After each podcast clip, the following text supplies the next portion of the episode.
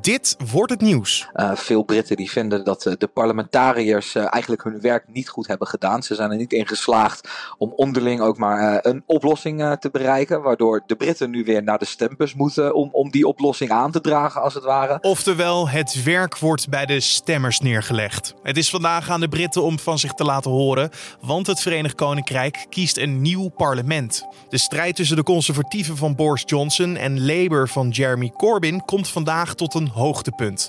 Matthijs Lelou, die je al even hoorde, is op locatie en praat ons volledig bij over wat er vandaag te gebeuren staat. Maar eerst kijken we kort naar het belangrijkste nieuws van nu. Mijn naam is Carne van der Brink. Het is vandaag donderdag 12 december.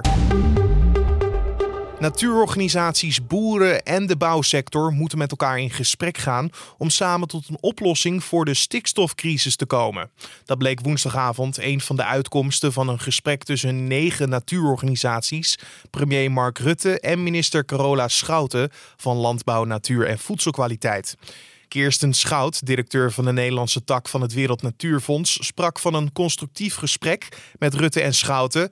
Tevreden zou ik zijn geweest als we toezeggingen hadden gekregen. Dat was niet zo, maar dit biedt in elk geval perspectief. En hopelijk kunnen we begin 2020 ook met de boeren- en bouwsector om de tafel.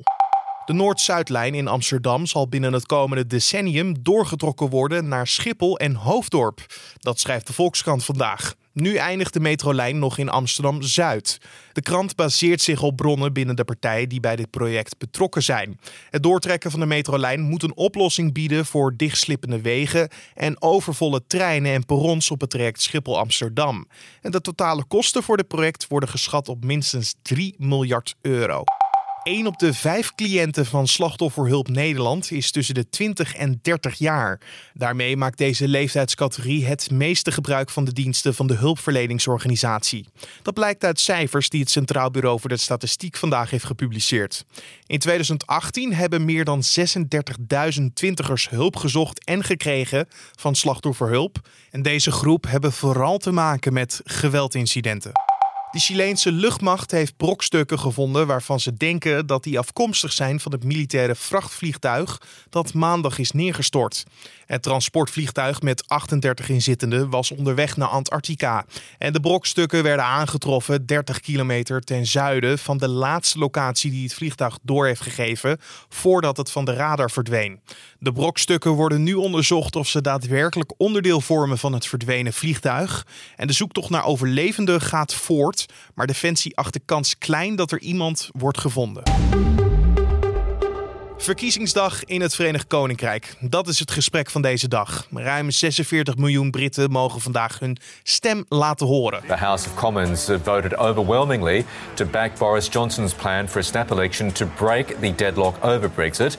It will be the country's first December poll since 1923. Well, I think it's going to be very close and obviously every vote counts. This is the most important election that I can remember in my my political lifetime. We've been in 82 constituencies now, a few more to go, travelled all around the country, and the enthusiasm of our party supporters and workers to get out there and get a message is incredible. Let's have a look at the raw numbers, though. The Conservatives are on track to win 339 seats out of a, a parliament of 650, uh, Labour on 231.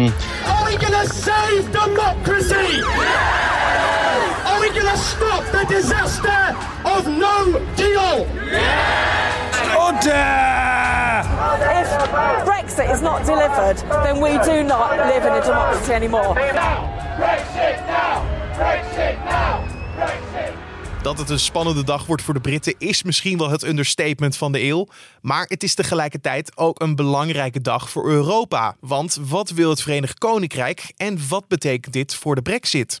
Collega Julien Dom praat hierover met collega Matthijs Lou, die voor ons op locatie is. Ik zit in uh, Kensington in Londen. En uh, ja, afgelopen woensdag was de laatste campagnedag. Uh, toen ben jij ook op straat rond gaan lopen, volgens mij. Hoe, hoe leefde het daar een beetje? We hebben veel mensen gesproken. En wat je merkt, is dat mensen er eigenlijk wel een beetje klaar mee zijn. Dat hele politieke circus rond die brexit. Uh, veel Britten die vinden dat de parlementariërs uh, eigenlijk hun werk niet goed hebben gedaan. Ze zijn er niet in geslaagd om onderling ook maar een oplossing te bereiken. Waardoor de Britten nu weer naar de stembus moeten om, om die oplossing aan te dragen als het ware. En, en dat is toch wel de emotie die een beetje overheerst. Nog los van, van of de mensen nou voor de brexit of tegen de brexit zijn. Ze zijn gewoon heel moe van het hele gedoe. En sowieso die samenwerking, hè? Uh, denken ze die dan nu wel te krijgen met de verkiezingen? Dat is nog maar de vraag. Als de conservatieven een meerderheid in het lagerhuis weten te veroveren. Nou, premier Johnson die heeft geen geheim gemaakt van zijn brexit-plannen. Hij wil zijn uitredingsovereenkomst met de EU wil hij laten goedkeuren door het parlement uh, nog voor de kerst als het kan. En dan moet uh, het Verenigd Koninkrijk op 31 januari volgend jaar uit de EU stappen. Dus als dat de uitslag wordt, nou, dan is het wel vrij duidelijk dat die Brexit er uh, eind januari aan gaat komen. Maar er zit toch nog wel enige onzekerheid ingebouwd. Ja, en dan hebben we het natuurlijk over dat magische getal, hè? 326 zegel, ze, uh, zetels in het lagerhuis. Um, als jij een beetje naar de peilingen kijkt, of wat de kranten of de media in Groot-Brittannië zelf schrijven, wat maak je daaruit op? Lijkt een partij, de Conservatives of Labour, dat getal te halen, 326 zetels? Labour gaat dat in ieder geval niet doen. Die kans die is uh, nou, vrijwel uitgesloten op, uh, op basis van uh, zowel de peilingen als het. Ja, als je kijkt naar het, hè, al die kiesdistricten waar het mogelijk spannend gaat worden. En dan kun je wat electoraal rekenwerk verrichten en dingen bij elkaar optellen. En een meerderheid voor Labour, ja, dat zit er niet echt in. Of de conservatieven er wel in zullen slagen om dat, die magische 326 te bereiken. Dat is heel erg de vraag. En daar is niemand het nog helemaal over uit. Kijk, we hebben bijvoorbeeld uh, hè, toen uh, Trump president van de VS werd, toen zaten de peilingen er ook helemaal naast. Nou ja, de Britten die hebben vergelijkbare ervaringen gehad in het verleden. Dus er wordt hier ook telkens gezegd van nou de peilingen zeggen dit, maar laten we niet blind varen op de peilingen. En, en er is toch nog wel wat onzekerheid. Het zou kunnen dat de conservatieven niet helemaal aan die meerderheid gaan komen. Nou, als dat het geval is, dan ligt de bal waarschijnlijk bij Labour. Want dan mogen de conservatieven weliswaar proberen om eerst een regering te vormen. Maar er is maar een heel beperkt aantal partijen dat met de conservatieven zou willen samenwerken. Uh, of in een coalitieregering, of dat ze die regering van gedoogsteun voorzien. En Labour heeft betere kans in dat geval om uh, bijvoorbeeld een verbond met de Liberal Democrats en de Scottish National Party te sluiten. Puur en alleen om de Brexit te stoppen.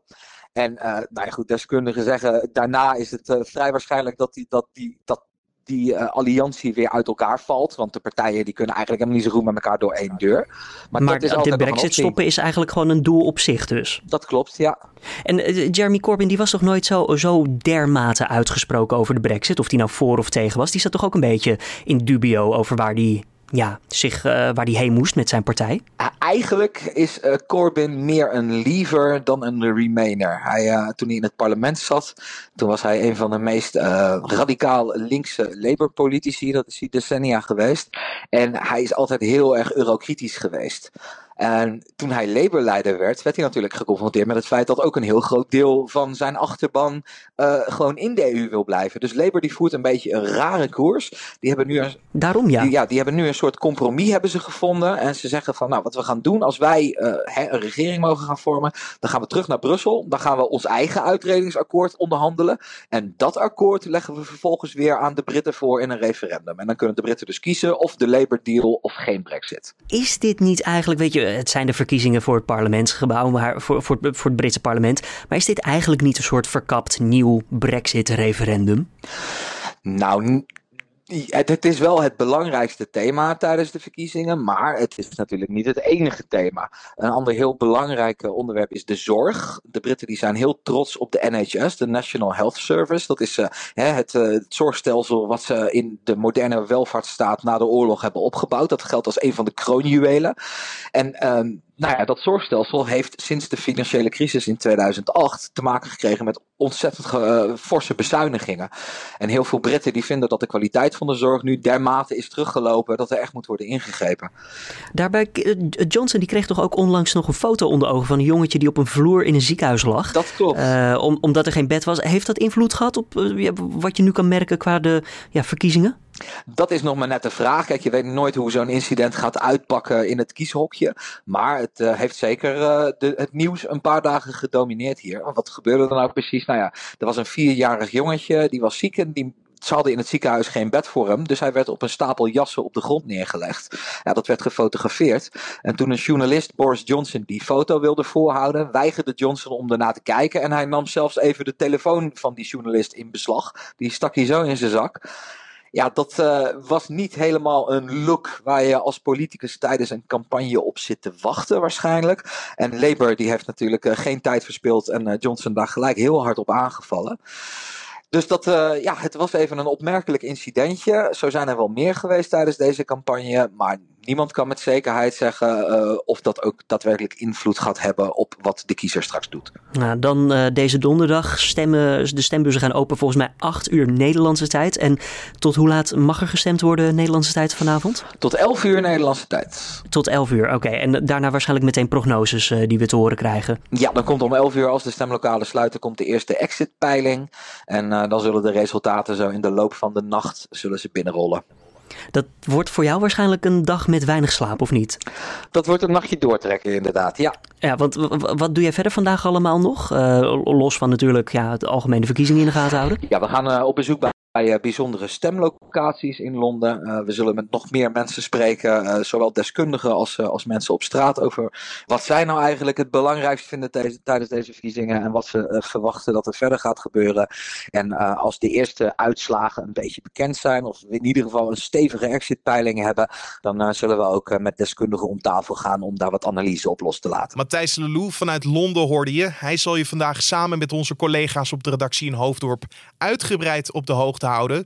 En wil je de basis van deze verkiezingen nog even nalezen? Check dan zeker ook even de link in de beschrijving van deze podcast. En dan kijken we wat er verder op de agenda voor vandaag staat. De regeringsleiders van de lidstaten van de EU komen vandaag en morgen bijeen in Brussel. Hoewel de ogen natuurlijk gericht zullen zijn op de Britse verkiezingen, zal er ook veel te doen zijn om de Green Deal die gisteren werd gepresenteerd. Naar verwachting zullen de regeringsleiders met een reactie komen.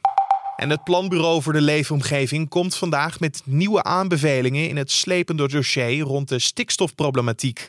Het adviesbureau presenteert manieren waardoor er meer ruimte komt om bouwvergunningen te verlenen en de kwaliteit van de natuur te verbeteren. En dan nog even het weer. Het noordoosten en het oosten begint deze dag met plaatselijke regen. In het zuiden en het zuidwesten schijnt echter de zon. De buien trekken langzaam in de loop van de dag weg. En dan zijn er in het hele land opklaringen en perioden met zon. En de temperatuur ligt rond de 6 graden. En om af te sluiten gaan we nog even naar Amerika. Want Harvey Weinstein heeft een schikking getroffen met een groot aantal slachtoffers dat hem aanklaagden.